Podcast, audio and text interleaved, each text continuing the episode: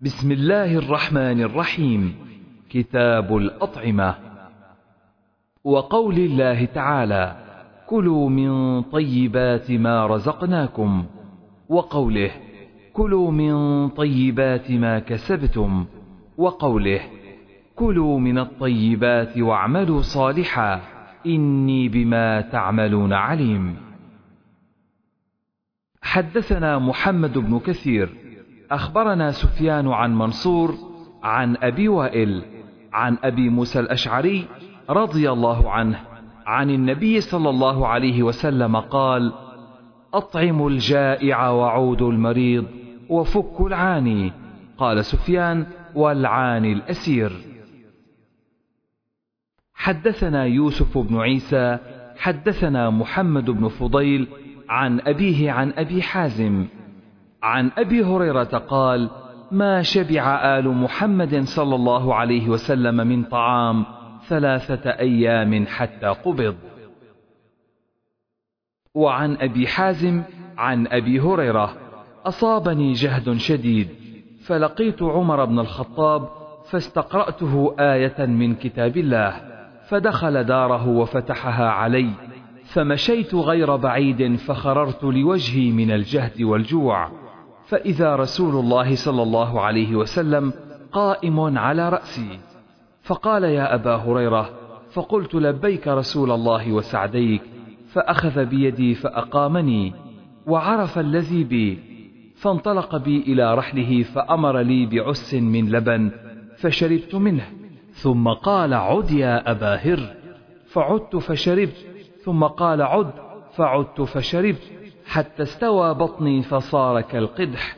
قال فلقيت عمر وذكرت له الذي كان من أمري وقلت له تولى الله ذلك من كان أحق به منك.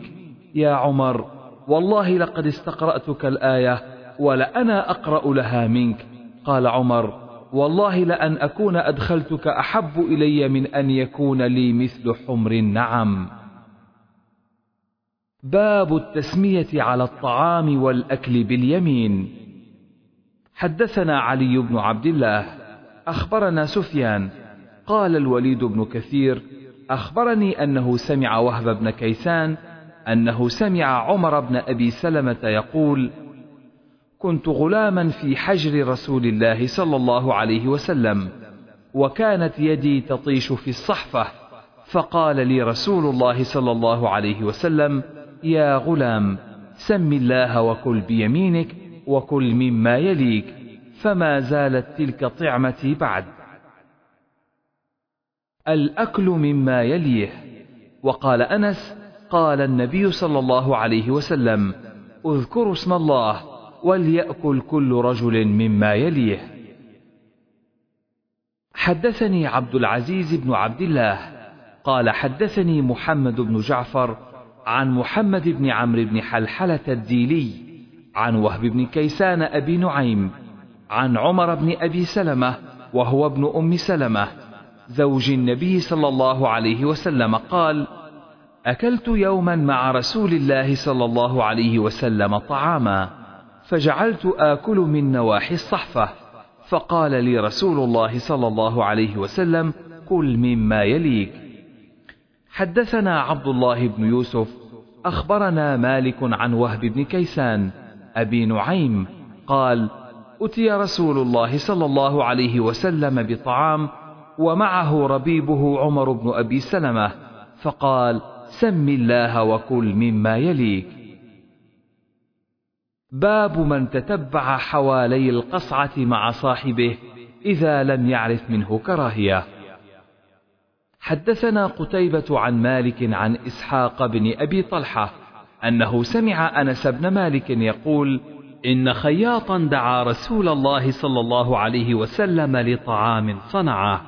قال أنس فذهبت مع رسول الله صلى الله عليه وسلم فرأيته يتتبع الدباء من حوالي القصعة. قال فلم أزل أحب الدباء من يومئذ. باب التيمن في الأكل وغيره. حدثنا عبدان أخبرنا عبد الله. أخبرنا شعبة عن أشعث عن أبيه عن مسروق عن عائشة رضي الله عنها قالت كان النبي صلى الله عليه وسلم يحب التيمن ما استطاع في طهوره وتنعله وترجله وكان قال بواسط قبل هذا في شأنه كله. باب من أكل حتى شبع. حدثنا إسماعيل قال حدثني مالك عن إسحاق بن عبد الله بن أبي طلحة أنه سمع أنس بن مالك يقول قال أبو طلحة لأم سليم لقد سمعت صوت رسول الله صلى الله عليه وسلم ضعيفا أعرف فيه الجوع فهل عندك من شيء؟ فأخرجت أقراصا من شعير ثم أخرجت خمارا لها فلفت الخبز ببعضه ثم دسته تحت ثوبي وردتني ببعضه ثم أرسلتني إلى رسول الله صلى الله عليه وسلم. قال فذهبت به فوجدت رسول الله صلى الله عليه وسلم في المسجد ومعه الناس فقمت عليهم فقال لي رسول الله صلى الله عليه وسلم أرسلك أبو طلحة؟ فقلت نعم. قال بطعام؟ قال فقلت نعم. فقال رسول الله صلى الله عليه وسلم لمن معه قوموا. فانطلق وانطلقت بين أيديهم حتى جئت أبا طلحة. فقال أبو طلحة يا أم سليم قد جاء رسول الله صلى الله عليه وسلم بالناس وليس عندنا من الطعام ما نطعمهم. فقالت الله ورسوله أعلم. قال فانطلق أبو طلحة حتى لقي رسول الله صلى الله عليه وسلم. فأقبل أبو طلحة ورسول الله صلى الله عليه وسلم حتى دخلا. فقال رسول الله صلى الله عليه وسلم هلمي يا أم سليم ما عندك؟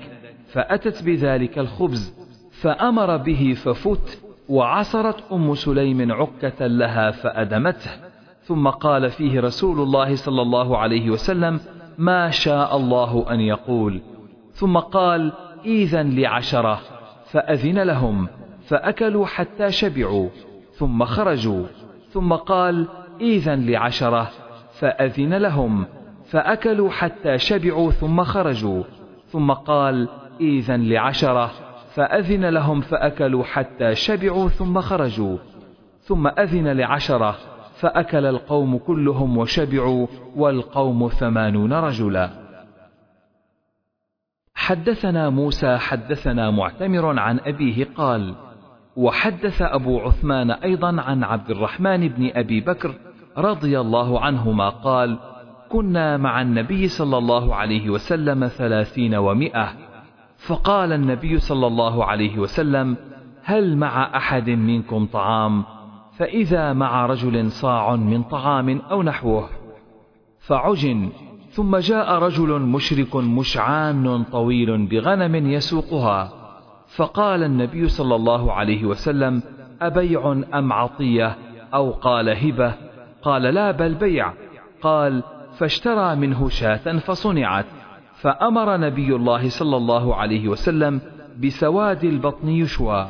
ويم الله ما من الثلاثين ومئة إلا قد حز له حزة من سواد بطنها. إن كان شاهدا أعطاها إياه وإن كان غائبا خبأها له. ثم جعل فيها قصعتين فأكلنا أجمعون وشبعنا وفضل في القصعتين. فحملته على البعير أو كما قال حدثنا مسلم حدثنا وهيب حدثنا منصور عن أمه عن عائشة رضي الله عنها. توفي النبي صلى الله عليه وسلم حين شبعنا من الأسودين التمر والماء. باب ليس على الأعمى حرج إلى قوله لعلكم تعقلون. حدثنا علي بن عبد الله حدثنا سفيان قال يحيى بن سعيد سمعت بشير بن يسار يقول حدثنا سويد بن النعمان قال خرجنا مع رسول الله صلى الله عليه وسلم إلى خيبر. فلما كنا بالصهباء قال يحيى وهي من خيبر على روحة دعا رسول الله صلى الله عليه وسلم بطعام فما أتي إلا بسويق فلكناه فأكلنا منه ثم دعا بماء فمضمض ومضمضنا فصلى بنا المغرب ولم يتوضأ قال سفيان سمعته منه عودا وبدءا. باب الخبز المرقق والأكل على الخوان والسفرة. حدثنا محمد بن سنان حدثنا همام عن قتادة قال كنا عند أنس وعنده خباز له. فقال ما أكل النبي صلى الله عليه وسلم خبزا مرققا ولا شاة مسموطة حتى لقي الله. حدثنا علي بن عبد الله حدثنا معاذ بن هشام. قال حدثني أبي عن يونس. قال علي هو الإسكاف. عن قتادة عن أنس رضي الله عنه قال ما علمت النبي صلى الله عليه وسلم أكل على سكرجة قط ولا خبز له مرقق قط ولا أكل على خوان. قيل لقتادة فعلى ما كانوا يأكلون. قال على السفر. حدثنا ابن أبي مريم أخبرنا محمد بن جعفر أخبرني حميد أنه سمع أنسا يقول قام النبي صلى الله عليه وسلم يبني بصفية فدعوت المسلمين إلى وليمته أمر بالأنطاع فبسطت فألقي عليها التمر والأقط والسمن وقال عمرو عن أنس بنى بها النبي صلى الله عليه وسلم ثم صنع حيسا في نطاع حدثنا محمد أخبرنا أبو معاوية حدثنا هشام عن أبيه وعن وهب بن كيسان قال كان أهل الشأم يعيرون ابن الزبير يقولون يا ابن ذات النطاقين فقالت له أسماء يا بني إنهم يعيرونك بالنطاقين هل تدري ما كان النطاقان؟ إنما كان نطاقي شققته نصفين فأوكيت قربة رسول الله صلى الله عليه وسلم بأحدهما وجعلت في سفرته آخر. قال فكان أهل الشأم إذا عيروه بالنطاقين يقول إيها والإله تلك شكاة ظاهر عنك عارها. حدثنا أبو النعمان حدثنا أبو عوانة عن أبي بشر عن سعيد بن جبير عن ابن عباس أن أم حفيد بنت الحارث بن حزن خالة ابن عباس أهدت إلى النبي صلى الله عليه وسلم سمنا وأقطا وأضبا فدعا بهن فأكلن على مائدته وتركهن النبي صلى الله عليه وسلم كالمتقذر لهن ولو كن حراما ما أكلن على مائدة النبي صلى الله عليه وسلم ولا أمر بأكلهن. باب السويق.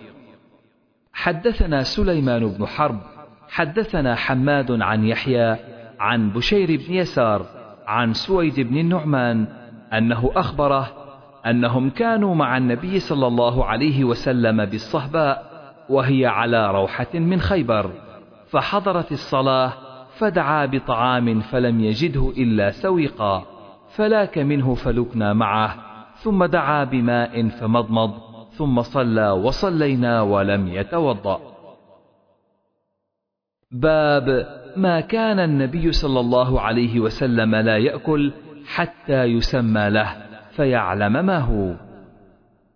حدثنا محمد بن مقاتل أبو الحسن أخبرنا عبد الله أخبرنا يونس عن الزهري قال أخبرني أبو أمامة بن سهل بن حنيف الأنصاري أن ابن عباس أخبره أن خالد بن الوليد الذي يقال له سيف الله أخبره أنه دخل مع رسول الله صلى الله عليه وسلم على ميمونة وهي خالته وخالة ابن عباس فوجد عندها ضبا محنوذا قدمت به أختها حفيدة بنت الحارث من نجد فقدمت الضب لرسول الله صلى الله عليه وسلم وكان قلما يقدم يده لطعام حتى يحدث به ويسمى له.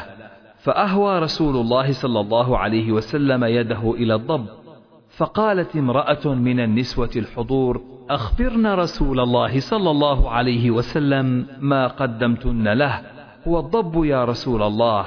فرفع رسول الله صلى الله عليه وسلم يده عن الضب فقال خالد بن الوليد أحرام الضب يا رسول الله؟ قال لا ولكن لم يكن بأرض قومي فأجدني أعافه. قال خالد فاجتررته فأكلته ورسول الله صلى الله عليه وسلم ينظر إلي. باب طعام الواحد يكفي الاثنين.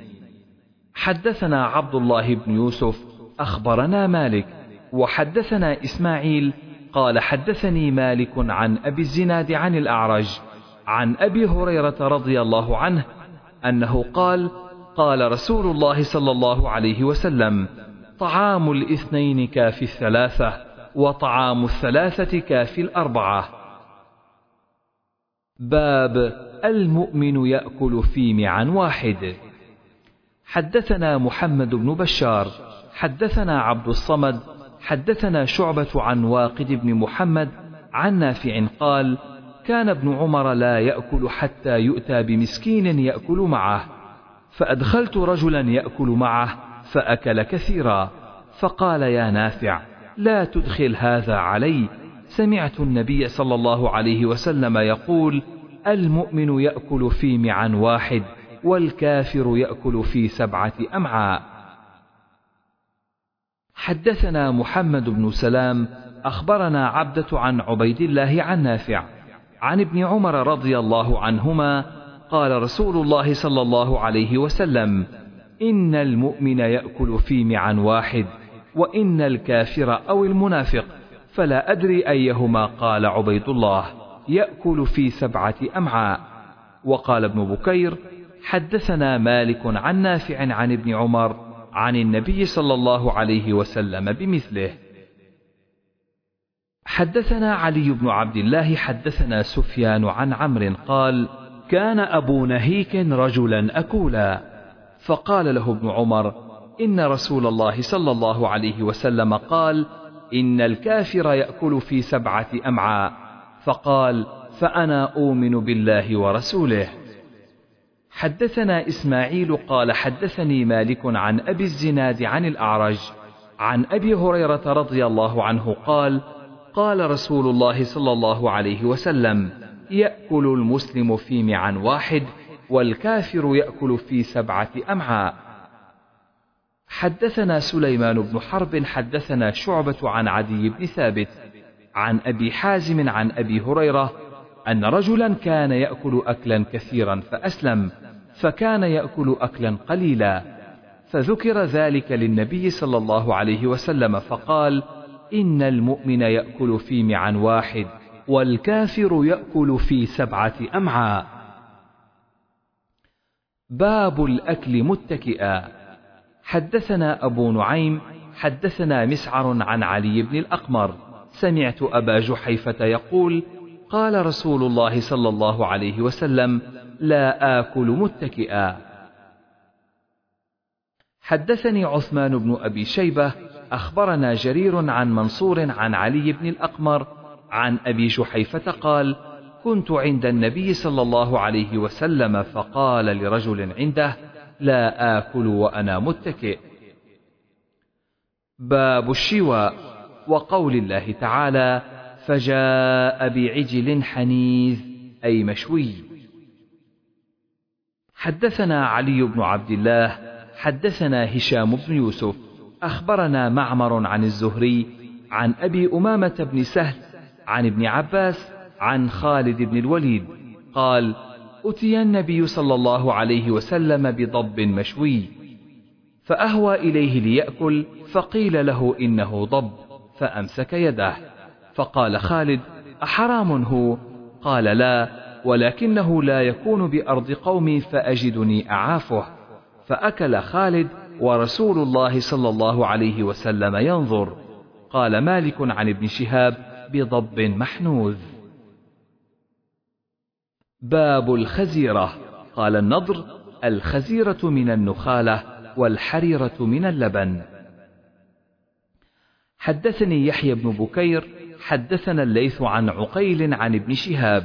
قال أخبرني محمود بن الربيع الأنصاري أن عتبان بن مالك وكان من أصحاب النبي صلى الله عليه وسلم ممن شهد بدرا من الأنصار أنه أتى رسول الله صلى الله عليه وسلم فقال يا رسول الله إني أنكرت بصري وأنا أصلي لقومي فإذا كانت الأمطار سال الوادي الذي بيني وبينهم لم أستطع أن آتي مسجدهم فأصلي لهم فوددت يا رسول الله أنك تأتي فتصلي في بيتي فأتخذه مصلى. فقال سأفعل إن شاء الله.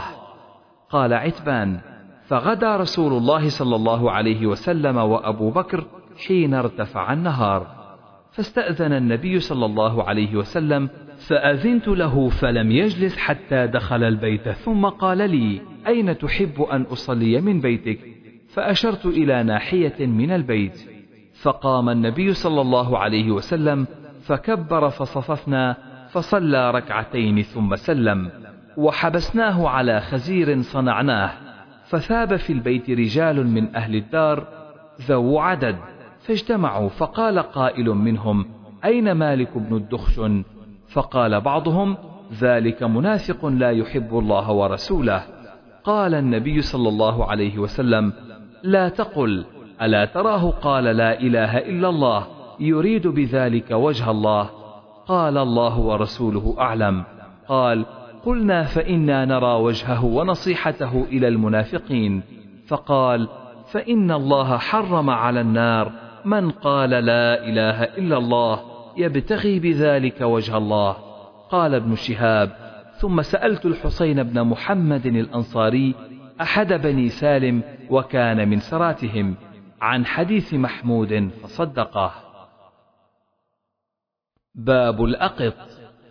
وقال حميد سمعت أنسا بنى النبي صلى الله عليه وسلم بصفية فألقى التمر والأقط والسمن.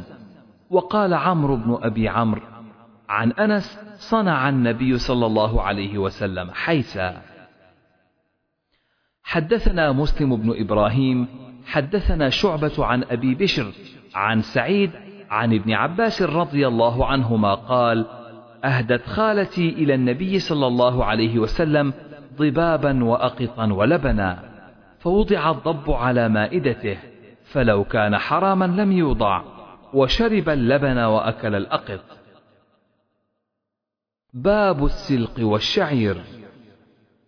حدثنا يحيى بن بكير حدثنا يعقوب بن عبد الرحمن عن أبي حازم عن سهل بن سعد قال إن كنا لنفرح بيوم الجمعة كانت لنا عجوز تأخذ أصول السلق فتجعله في قدر لها فتجعل فيه حبات من شعير إذا صلينا زرناها فقربته إلينا وكنا نفرح بيوم الجمعة من أجل ذلك وما كنا نتغدى ولا نقيل إلا بعد الجمعة والله ما فيه شحم ولا ودك.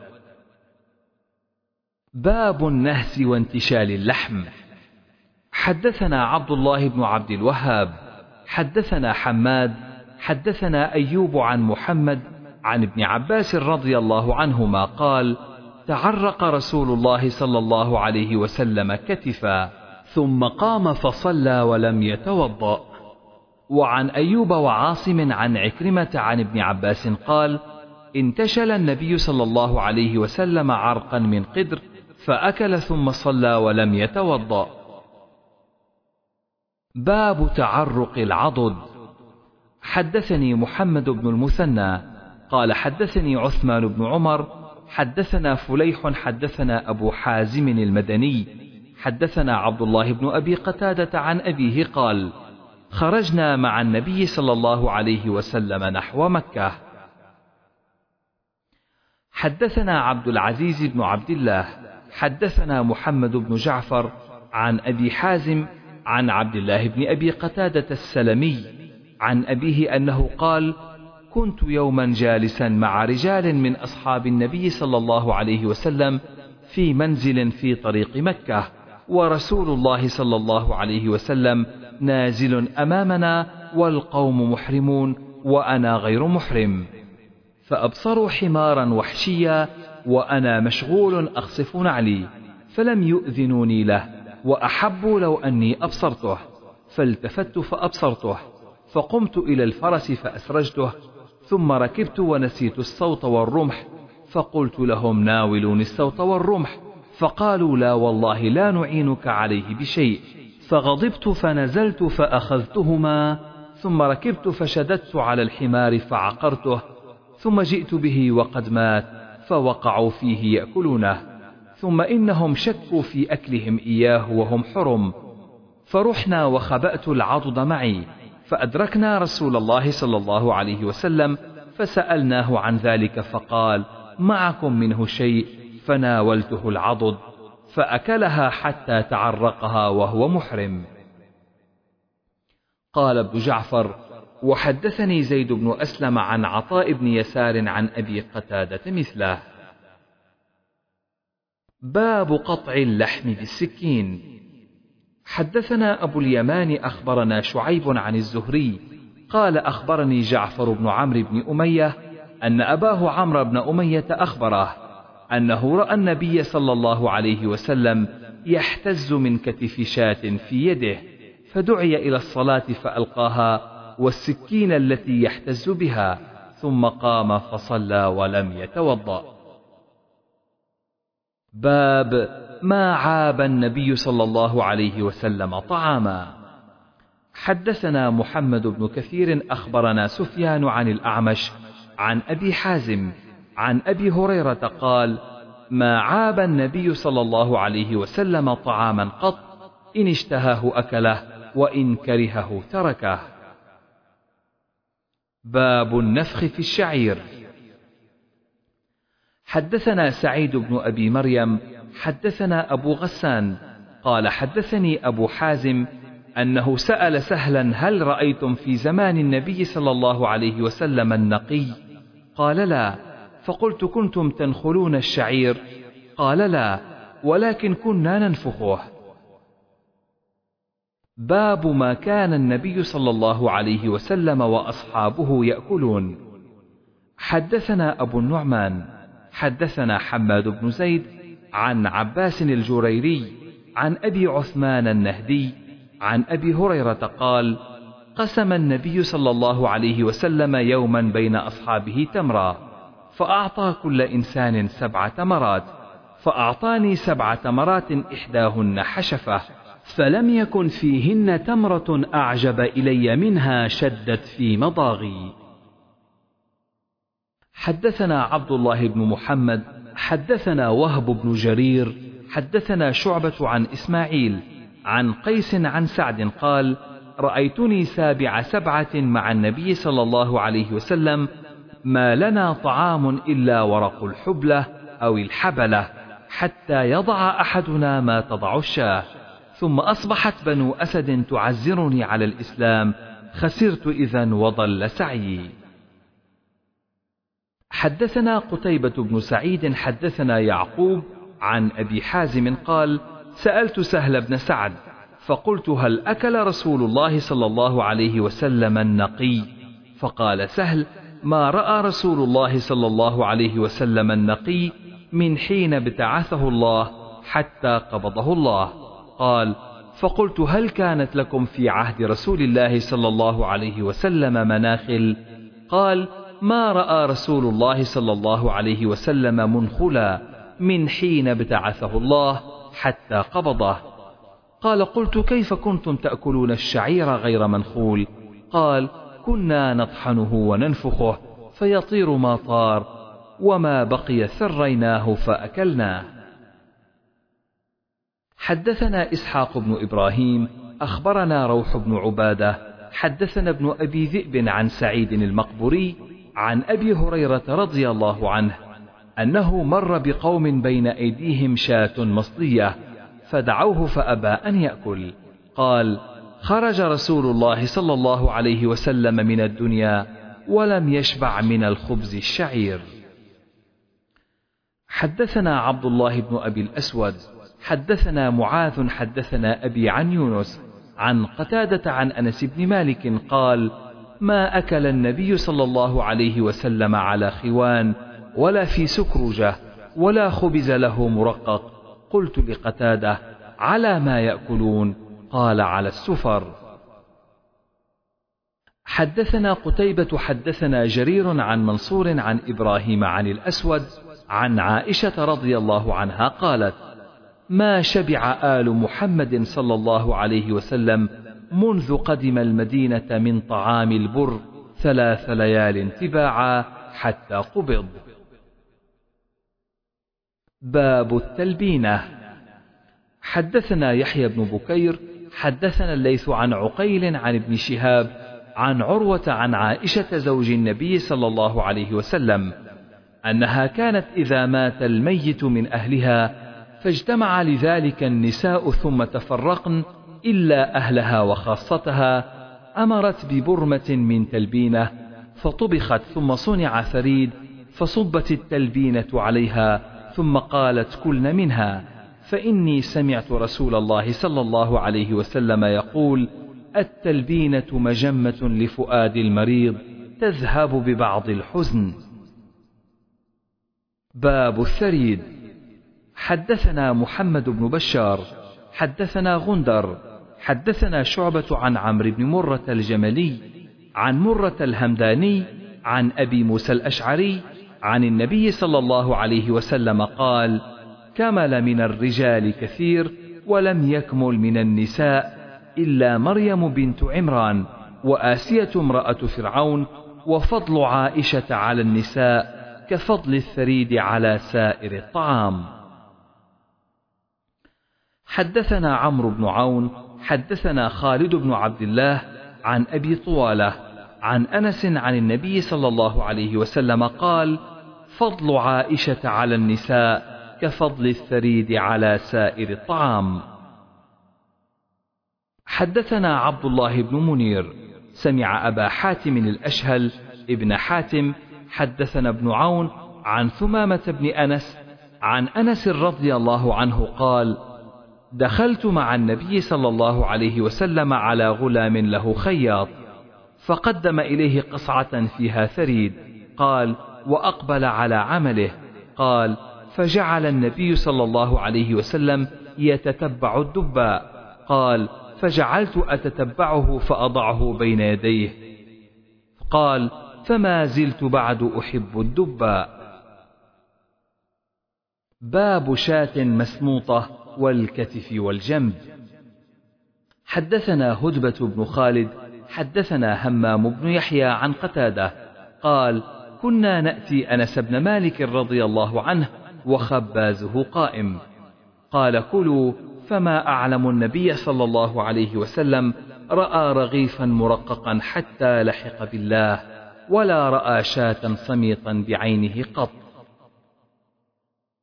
حدثنا محمد بن مقاتل أخبرنا عبد الله أخبرنا معمر عن الزهري عن جعفر بن عمرو بن أمية الضمري عن أبيه قال رأيت رسول الله صلى الله عليه وسلم يحتز من كتف شاه فأكل منها فدعي إلى الصلاة فقام فطرح السكين فصلى ولم يتوضأ.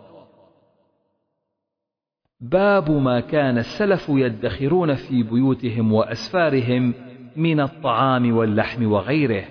وقالت عائشة وأسماء صنعنا للنبي صلى الله عليه وسلم وأبي بكر سفرة. حدثنا خلاد بن يحيى. حدثنا سفيان عن عبد الرحمن بن عابس عن أبيه قال قلت لعائشة أنهى النبي صلى الله عليه وسلم أن تؤكل لحوم الأضاحي فوق ثلاث. قالت ما فعله إلا في عام جاع الناس فيه فأراد أن يطعم الغني الفقير وإن كنا لنرفع الكراع فنأكله بعد خمس عشرة. قيل ما اضطركم إليه؟ فضحكت. قالت ما شبع آل محمد صلى الله عليه وسلم من خبز بر مأدوم ثلاثة أيام حتى لحق بالله. وقال ابن كثير أخبرنا سفيان حدثنا عبد الرحمن بن عابس بهذا. حدثني عبد الله بن محمد حدثنا سفيان عن عمرو عن عطاء عن جابر.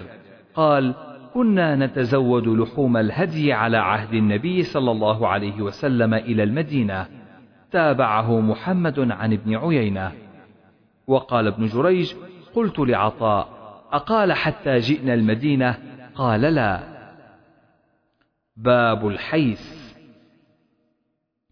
حدثنا قتيبة حدثنا إسماعيل بن جعفر عن عمرو بن أبي عمرو مولى المطلب بن عبد الله بن حنطب أنه سمع أنس بن مالك يقول قال رسول الله صلى الله عليه وسلم لأبي طلحة التمس غلاما من غلمانكم يخدمني فخرج بي أبو طلحة يردفني وراءه فكنت أخدم رسول الله صلى الله عليه وسلم كلما نزل فكنت أسمعه يكثر أن يقول اللهم إني أعوذ بك من الهم والحزن والعجز والكسل والبخل والجبن وضلع الدين وغلبة الرجال.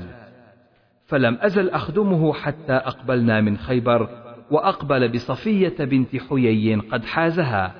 فكنت أراه يحوي وراءه بعباءة أو بكساء ثم يردفها وراءه حتى إذا كنا بالصهباء صنع حيسا في نطع ثم أرسلني فدعوت رجالا فأكلوا وكان ذلك بناءه بها. ثم أقبل حتى إذا بدا له أحد قال هذا جبل يحبنا ونحبه. فلما أشرف على المدينة قال اللهم إني أحرم ما بين جبليها مثل ما حرم به إبراهيم مكة. اللهم بارك لهم في مدهم وصاعهم. باب الأكل في إناء مفضض حدثنا أبو نعيم حدثنا سيف بن أبي سليمان قال سمعت مجاهدا يقول حدثني عبد الرحمن بن أبي ليلى أنهم كانوا عند حذيفة فاستسقى فسقاه مجوسي. فلما وضع القدح في يده رماه به وقال لولا أني نهيته غير مرة ولا مرتين كأنه يقول لم أفعل هذا ولكني سمعت النبي صلى الله عليه وسلم يقول لا تلبسوا الحرير ولا الديباج ولا تشربوا في آنية الذهب والفضة ولا تأكلوا في صحافها فإنها لهم في الدنيا ولنا في الآخرة. باب ذكر الطعام.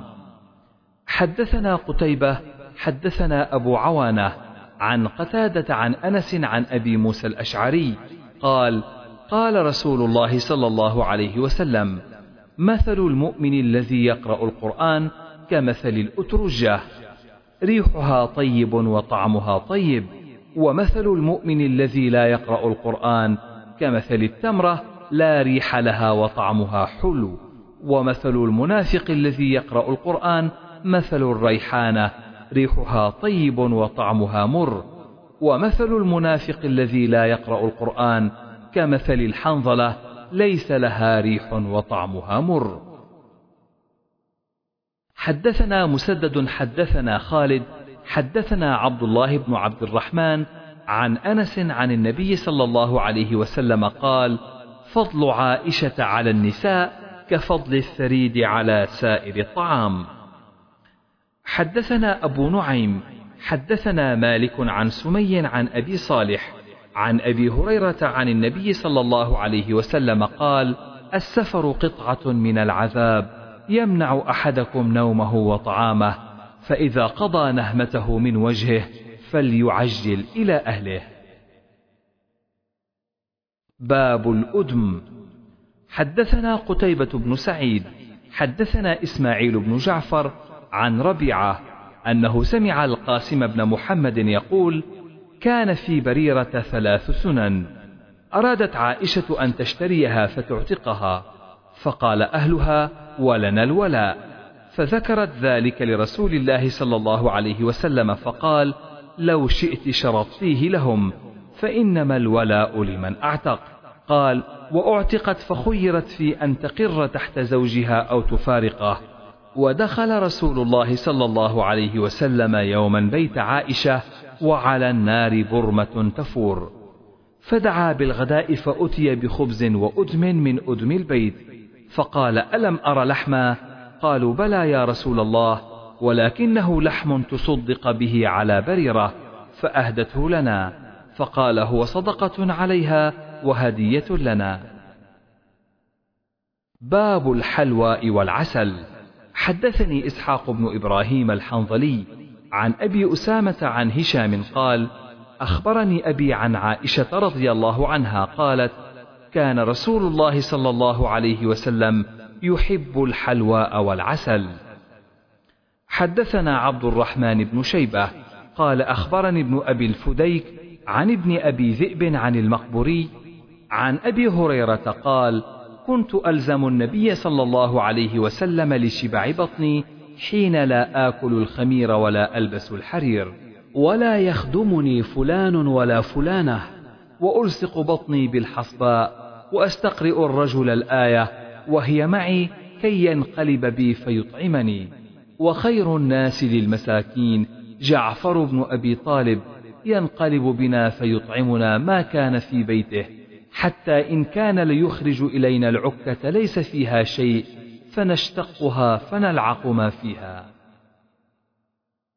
باب الدباء حدثنا عمرو بن علي حدثنا أزهر بن سعد عن ابن عون عن ثمامة بن أنس عن أنس أن رسول الله صلى الله عليه وسلم أتى مولا له خياطا فأتي بدباء فجعل يأكله. فلم أزل أحبه منذ رأيت رسول الله صلى الله عليه وسلم يأكله.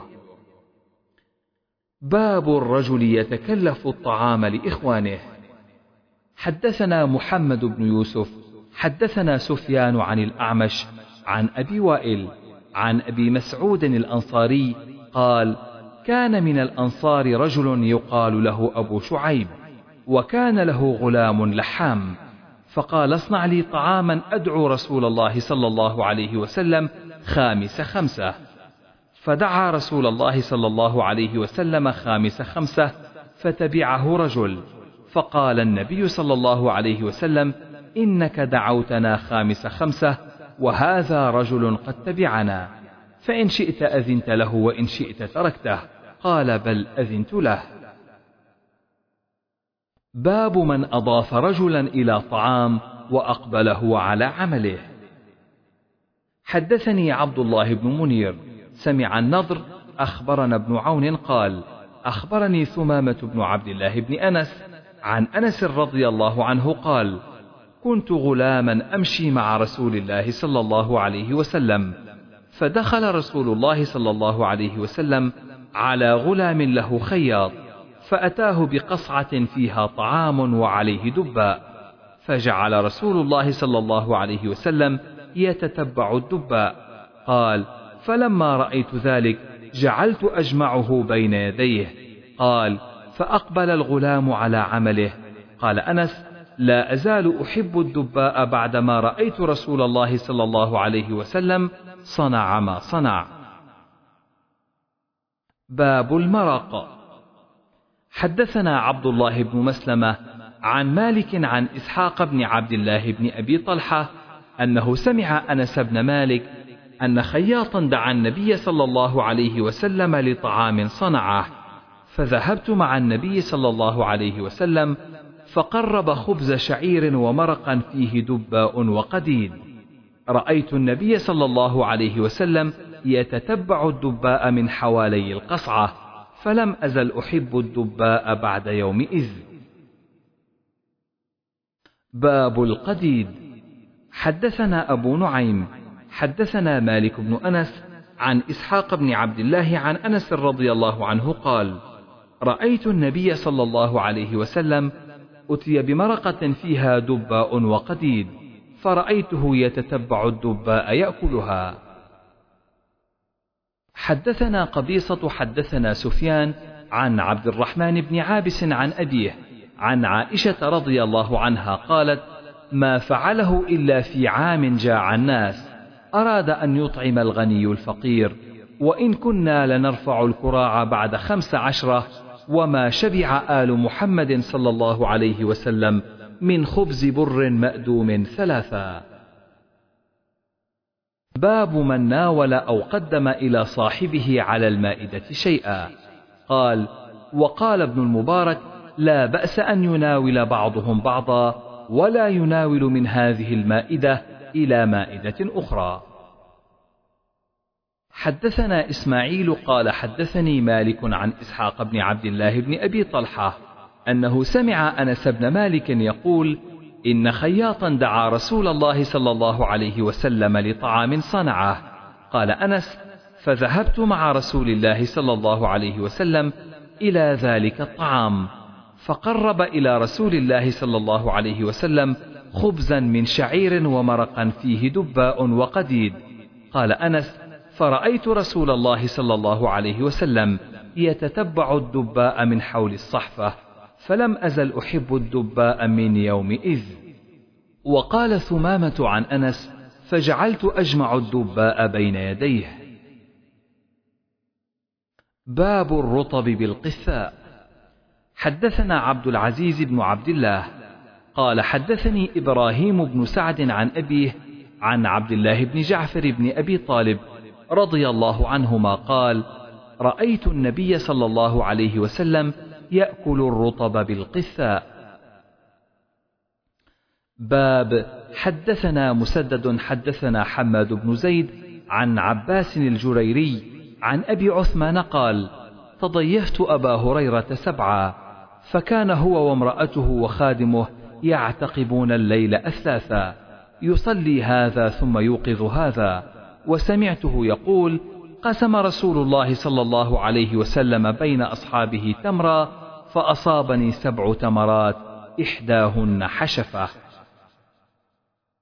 حدثنا محمد بن الصباح حدثنا إسماعيل بن زكريا عن عاصم عن أبي عثمان عن أبي هريرة رضي الله عنه. قسم النبي صلى الله عليه وسلم بيننا تمرا فأصابني منه خمس أربع تمرات وحشفة. ثم رأيت الحشفة هي أشدهن لضرسي باب الرطب والتمر وقول الله تعالى وهزي إليك بجذع النخلة تساقط عليك رطبا جنيا. وقال محمد بن يوسف عن سفيان عن منصور بن صفية حدثتني أمي عن عائشة رضي الله عنها قالت توفي رسول الله صلى الله عليه وسلم وقد شبعنا من الأسودين التمر والماء. حدثنا سعيد بن أبي مريم حدثنا أبو غسان قال حدثني أبو حازم عن إبراهيم بن عبد الرحمن بن عبد الله بن أبي ربيعة عن جابر بن عبد الله رضي الله عنهما قال كان بالمدينة يهودي وكان يسلفني في تمري إلى الجداد وكانت لجابر الأرض التي بطريق رومة فجلست فخلى عاما فجاءني اليهودي عند الجداد ولم أجد منها شيئا فجعلت أستنظره إلى قابل فيأبى فأخبر بذلك النبي صلى الله عليه وسلم فقال لأصحابه أمشوا نستنظر لجابر من اليهودي. فجاءوني في نخلي فجعل النبي صلى الله عليه وسلم يكلم اليهودي فيقول أبا القاسم لا أنظره. فلما رأى النبي صلى الله عليه وسلم قام فطاف في النخل ثم جاءه فكلمه فأبى. فقمت فجئت بقليل رطب فوضعته بين يدي النبي صلى الله عليه وسلم فأكل. ثم قال أين عريشك يا جابر؟ فأخبرته فقال أفرش لي فيه. ففرشته فدخل فرقد ثم استيقظ فجئته بقبضة أخرى. فأكل منها ثم قام فكلم اليهودي فأبى عليه. فقام في الرطاب في النخل الثانية ثم قال يا جابر جد وقض فوقف في الجداد فجددت منها ما قضيته وفضل منه. فخرجت حتى جئت النبي صلى الله عليه وسلم فبشرته. فقال أشهد أني رسول الله. باب أكل الجمار. حدثنا عمر بن حفص بن غياث حدثنا أبي حدثنا الأعمش قال حدثني مجاهد عن عبد الله بن عمر رضي الله عنهما قال بينا نحن عند النبي صلى الله عليه وسلم جلوس إذ أتي بجمار نخلة فقال النبي صلى الله عليه وسلم إن من الشجر لما بركته كبركة المسلم فظننت أنه يعني النخلة فأردت أن أقول هي النخلة يا رسول الله ثم التفت فإذا أنا عاشر عشرة أنا أحدثهم. فسكت فقال النبي صلى الله عليه وسلم هي النخلة. باب العجوة.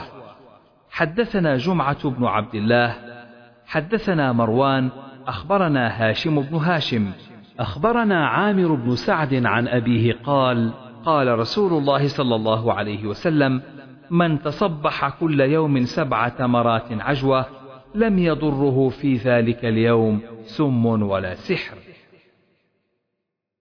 باب القران في التمر. حدثنا آدم حدثنا شعبة حدثنا جبلة بن سحيم. قال أصابنا عام سنة مع ابن الزبير رزقنا تمرا. فكان عبد الله بن عمر يمر بنا ونحن نأكل ويقول لا تقارنوا فإن النبي صلى الله عليه وسلم نهى عن القران ثم يقول إلا أن يستأذن الرجل أخاه. قال شعبة الإذن من قول ابن عمر. باب القثاء. حدثني إسماعيل بن عبد الله. قال حدثني إبراهيم بن سعد عن أبيه. قال سمعت عبد الله بن جعفر. قال رأيت النبي صلى الله عليه وسلم يأكل الرطب بالقثاء باب بركة النخل. حدثنا أبو نعيم حدثنا محمد بن طلحة عن زبيد عن مجاهد قال سمعت ابن عمر عن النبي صلى الله عليه وسلم قال من الشجر شجرة تكون مثل المسلم وهي النخلة. باب جمع اللونين أو الطعامين بمرة.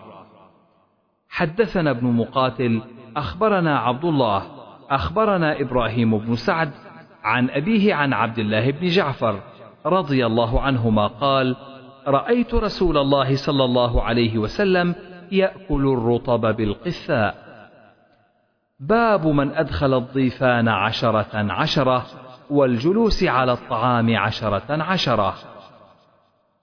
حدثنا الصلت بن محمد حدثنا حماد بن زيد عن الجعد أبي عثمان عن أنس وعن هشام عن محمد عن أنس وعن سنان أبي ربيعة عن أنس أن أم سليم أمه عمدت إلى مد من شعير جشته وجعلت منه خطيفة وعصرت عكة عندها. ثم بعثتني إلى النبي صلى الله عليه وسلم فأتيته وهو في أصحابه فدعوته. قال ومن معي؟ فجئت فقلت إنه يقول ومن معي. فخرج إليه أبو طلحة. قال يا رسول الله إنما هو شيء صنعته أم سليم. فدخل فجيء به وقال أدخل علي عشرة. فدخلوا فأكلوا حتى شبعوا. ثم قال أدخل علي عشرة. فدخلوا فأكلوا حتى شبعوا.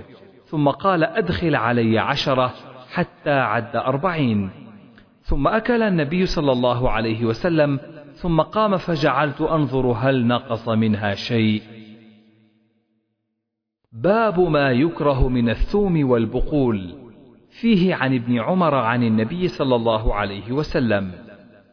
حدثنا مسدد حدثنا عبد الوارث عن عبد العزيز قال قيل لأنس ما سمعت النبي صلى الله عليه وسلم في الثوم؟ فقال من أكل فلا يقربن مسجدنا. حدثنا علي بن عبد الله حدثنا أبو صفوان عبد الله بن سعيد.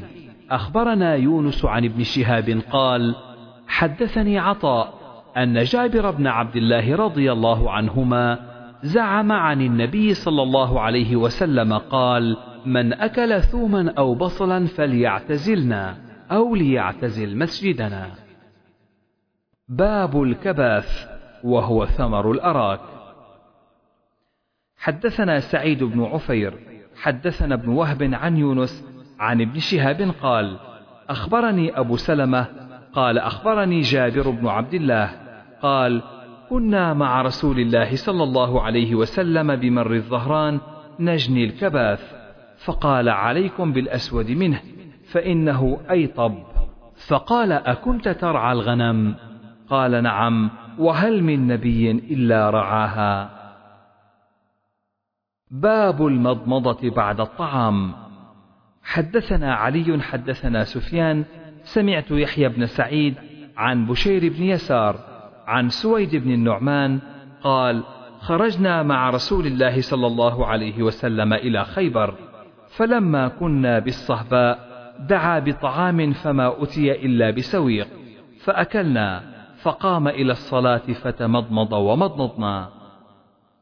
قال يحيى سمعت بشيرا يقول حدثنا سويد خرجنا مع رسول الله صلى الله عليه وسلم إلى خيبر فلما كنا بالصهباء قال يحيى وهي من خيبر على روحة دعا بطعام فما أتي إلا بسويق فلكناه فأكلنا معه ثم دعا بماء فمضمض ومضمضنا معه ثم صلى بنا المغرب ولم يتوضأ وقال سفيان كأنك تسمعه من يحيى.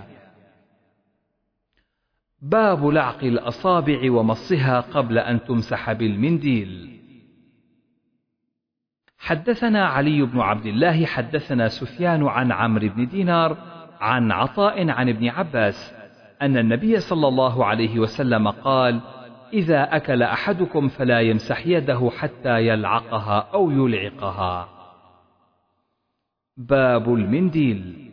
حدثنا إبراهيم بن المنذر قال حدثني محمد بن فليح قال حدثني أبي عن سعيد بن الحارث عن جابر بن عبد الله رضي الله عنهما أنه سأله عن الوضوء مما مست النار فقال لا قد كنا زمان النبي صلى الله عليه وسلم لا نجد مثل ذلك من الطعام إلا قليلا فإذا نحن وجدناه لم يكن لنا مناديل إلا أكفنا وسواعدنا وأقدامنا ثم نصلي ولا نتوضأ.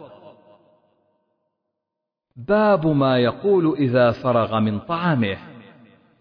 حدثنا أبو نعيم حدثنا سفيان عن ثور عن خالد بن معدان عن أبي أمامة أن النبي صلى الله عليه وسلم كان إذا رفع مائدته قال الحمد لله كثيرا طيبا مباركا فيه غير مكفي ولا مودع ولا مستغنى عنه ربنا.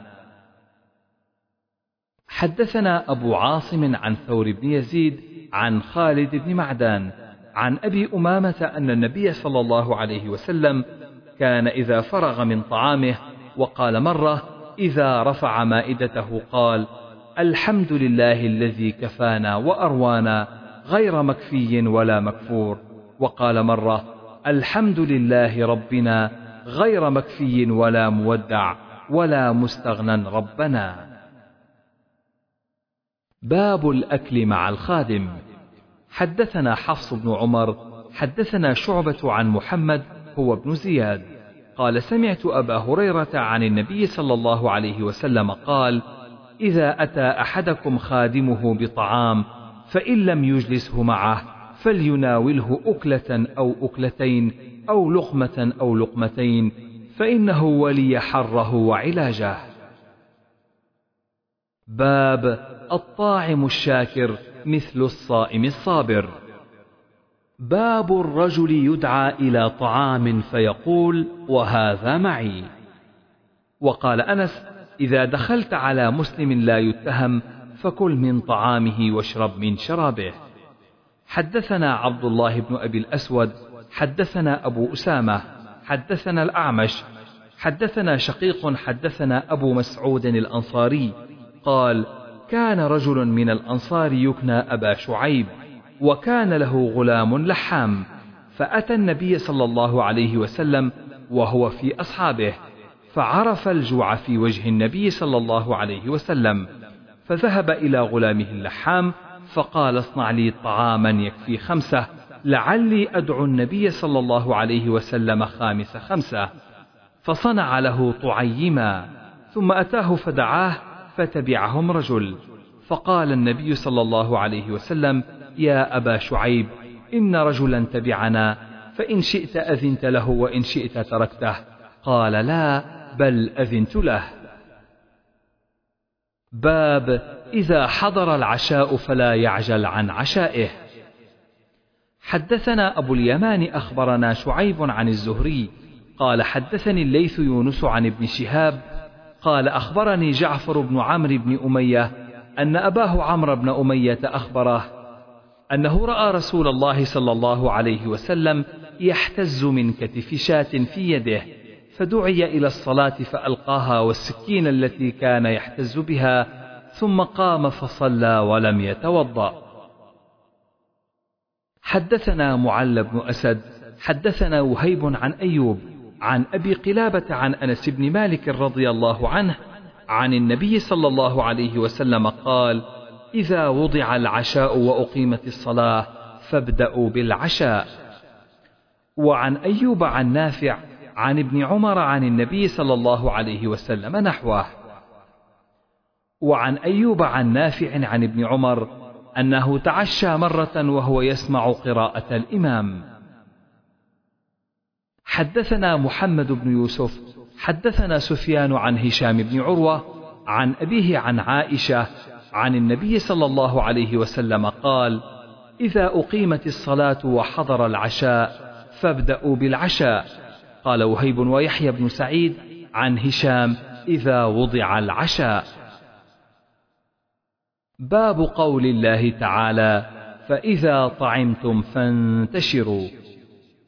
حدثني عبد الله بن محمد حدثنا يعقوب بن إبراهيم قال حدثني أبي عن صالح عن ابن شهاب أن أنسا قال أنا أعلم الناس بالحجاب. كان أبي بن كعب يسألني عنه أصبح رسول الله صلى الله عليه وسلم عروسا بزينب ابنة جحش وكان تزوجها بالمدينة فدعا الناس للطعام بعد ارتفاع النهار فجلس رسول الله صلى الله عليه وسلم وجلس رجال بعدما قام القوم حتى قام رسول الله صلى الله عليه وسلم فمشى ومشيت معه حتى بلغ باب حجرة عائشة ثم ظن أنهم خرجوا. فرجعت معه فإذا هم جلوس مكانهم. فرجع ورجعت معه الثانية حتى بلغ باب حجرة عائشة. فرجع ورجعت معه فإذا هم قد قاموا فضرب بيني وبينه سترا وأنزل الحجاب.